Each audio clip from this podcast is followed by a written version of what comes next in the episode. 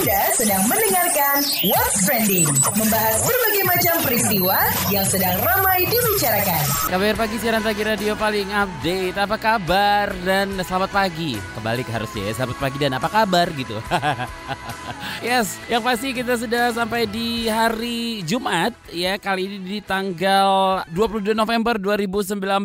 Ini hari Jumat sudah mendekati di akhir-akhir November nih sob. Luar biasa. Alright, biar semangatnya tetap terjaga tapi tetap harus update ya kan. Di pagi ini kita akan ngobrolin soal ya rencana pembangunan bandar antariksa pertama Indonesia di Papua. Jadi ini ceritanya Pulau Biak Provinsi Papua diproyeksikan jadi Space Island atau pulau keantariksaan dengan adanya pembangunan bandar antariksa di sana. Ini tentu menjadi sebuah cita-cita yang besar dan mahal, besar dan mahal.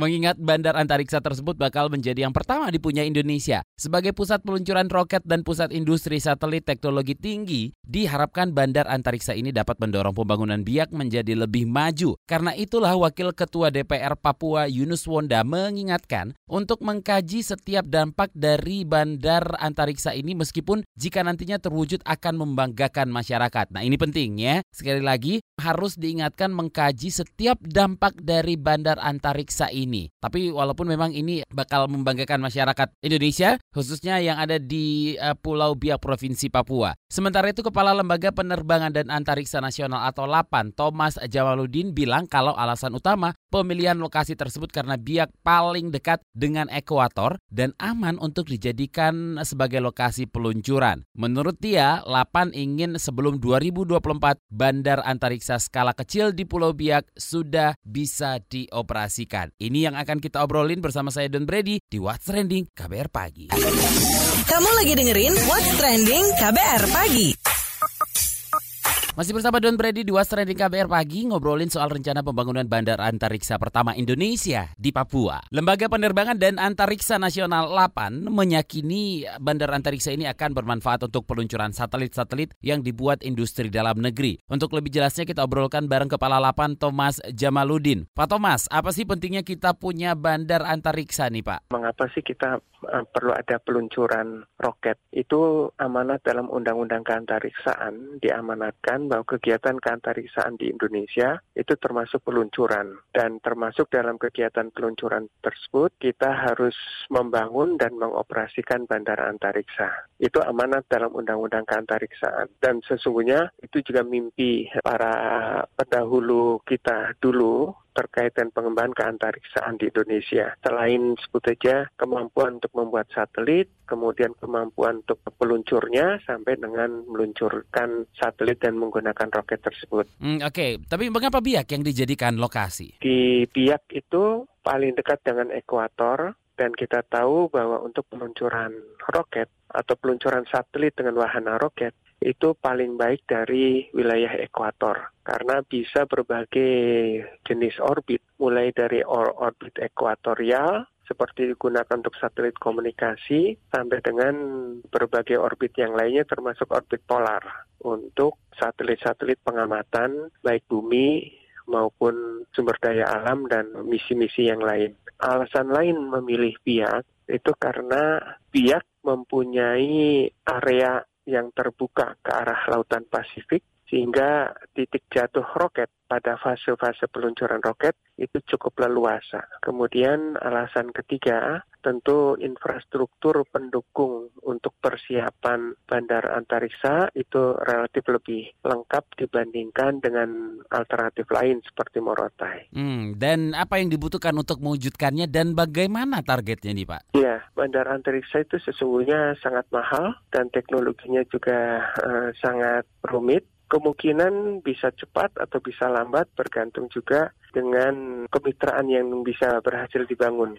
Rencana awal fase awal tahun 2024 itu kalau kita sebut saja membangun bandara antariksa skala kecil dengan target setidaknya bisa digunakan untuk uji terbang roket-roket yang kita kembangkan. Tapi kalau kita nanti kemudian dalam perjalanan ini mendapatkan mitra internasional dan kemudian bersepakat untuk membangun bandara antariksa, kemungkinan juga bisa lebih cepat. Tapi mungkin juga waktunya juga bisa lama tergantung dari segi kompleksitas bandara antariksa yang akan dikembangkan. Jadi batas awal yang tadi saya sebut 2024 itu saya sebut sebagai fase awal atau tahap pertama untuk setidaknya fasilitas bandara antariksa itu bisa digunakan untuk uji terbang roket-roket bertingkat yang sedang dikembangkan oleh Lapan. Tapi seperti apa dampaknya bagi masyarakat nih Pak? Ini penting juga loh Pak. Manfaatnya tentu kita akan dapat memfasilitasi peluncuran roket peluncuran satelit-satelit yang kita buat bukan hanya oleh Lapan tapi bisa jadi industri-industri dalam negeri ini juga mengembangkan satelit-satelit. Kalau kemudian Indonesia sudah punya roket peluncur satelitnya, maka peluncuran-peluncuran satelit buatan kita itu bisa diluncurkan dengan wahana roket buatan kita dan juga dari bandara antariksa yang ada di bumi Indonesia. Ini eh, nilai positifnya tentu itu menjadi bagian dari kebanggaan nasional yang bisa sebut aja memacu semangat dan motivasi bangsa Indonesia. Kemudian apa manfaatnya bagi Papua? Ya diharapkan biak ini suatu saat nanti bisa menjadi sebut aja pulau keantariksaan atau Space Island yang di dalamnya bisa dikembangkan ada bandara antariksa sekaligus pabrik roketnya, pabrik satelitnya. Itu cita-cita uh, jangka panjang yang bisa dikembangkan di Biak. Karena kalau mencontoh di negara-negara lain, ada yang satu pulau atau satu kota itu disebut sebagai space city jadi biak pun suatu saat bisa dikembangkan di sana. Oke, bakal jadi Space Island. Ya, terima kasih Kepala Lapan ya Thomas Jamaludin. Nanti kita juga akan ngobrol dengan Wakil Ketua DPR Papua Yunus Wonda. Kita akan tanya kira-kira ini apa dampaknya untuk masyarakat di Papua khususnya di Biak ya. Kamu lagi dengerin What's Trending KBR Pagi.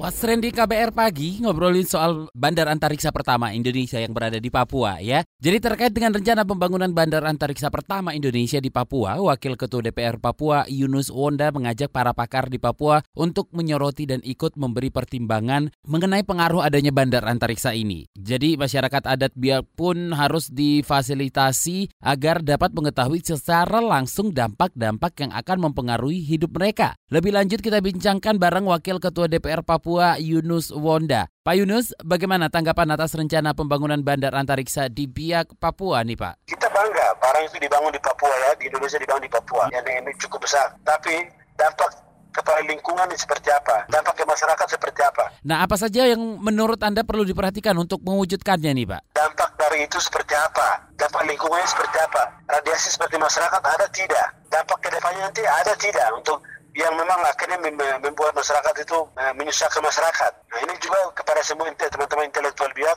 harus duduk dan lihat ini persoalan ini sama-sama supaya suatu saat tidak tidak saling menyalahkan. Dampak kepada lingkungan seperti apa, dampak ke masyarakat seperti apa. Nah, oke, okay. harapannya nih Pak, bagaimana harapan Anda?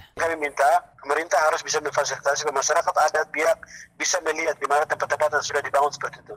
Dampak ekonomi ada tidak masyarakat setempat. Masyarakat adat setempat itu setuju tidak dengan barang itu. Jangan sampai kita pengambil kebijakan saja mengambil keputusan. Yang terutama lagi dari semua ini, ya kami minta kepada seluruh intelektual biak, seluruh intelektual biak harus melihat ini, harus merespon ini ini berdampak tidak kepada rakyat kita di sana. Jangan sampai kita hanya duduk-duduk lebih ini tapi tidak melihat itu dampak daripada masyarakat ketika barang itu dibangun. Untuk itu kami minta kepada seluruh intelektual biak untuk duduk sama-sama dan lihat bicara dengan masyarakat adat. Dampaknya ini seperti ini, positifnya seperti apa, negatifnya seperti apa, menguntungkan atau tidak. Nah, Oke, okay, baik. Terima kasih Wakil Ketua DPR Papua Yunus Wonda. Kamu lagi dengerin What's Trending KBR Pagi. Penasaran sama komentar Miss KBR? Ini dia Miss KBR. Ya, rasa-rasanya ya ini tepat banget kalau Miss KBR bilang it's long time, time overdue.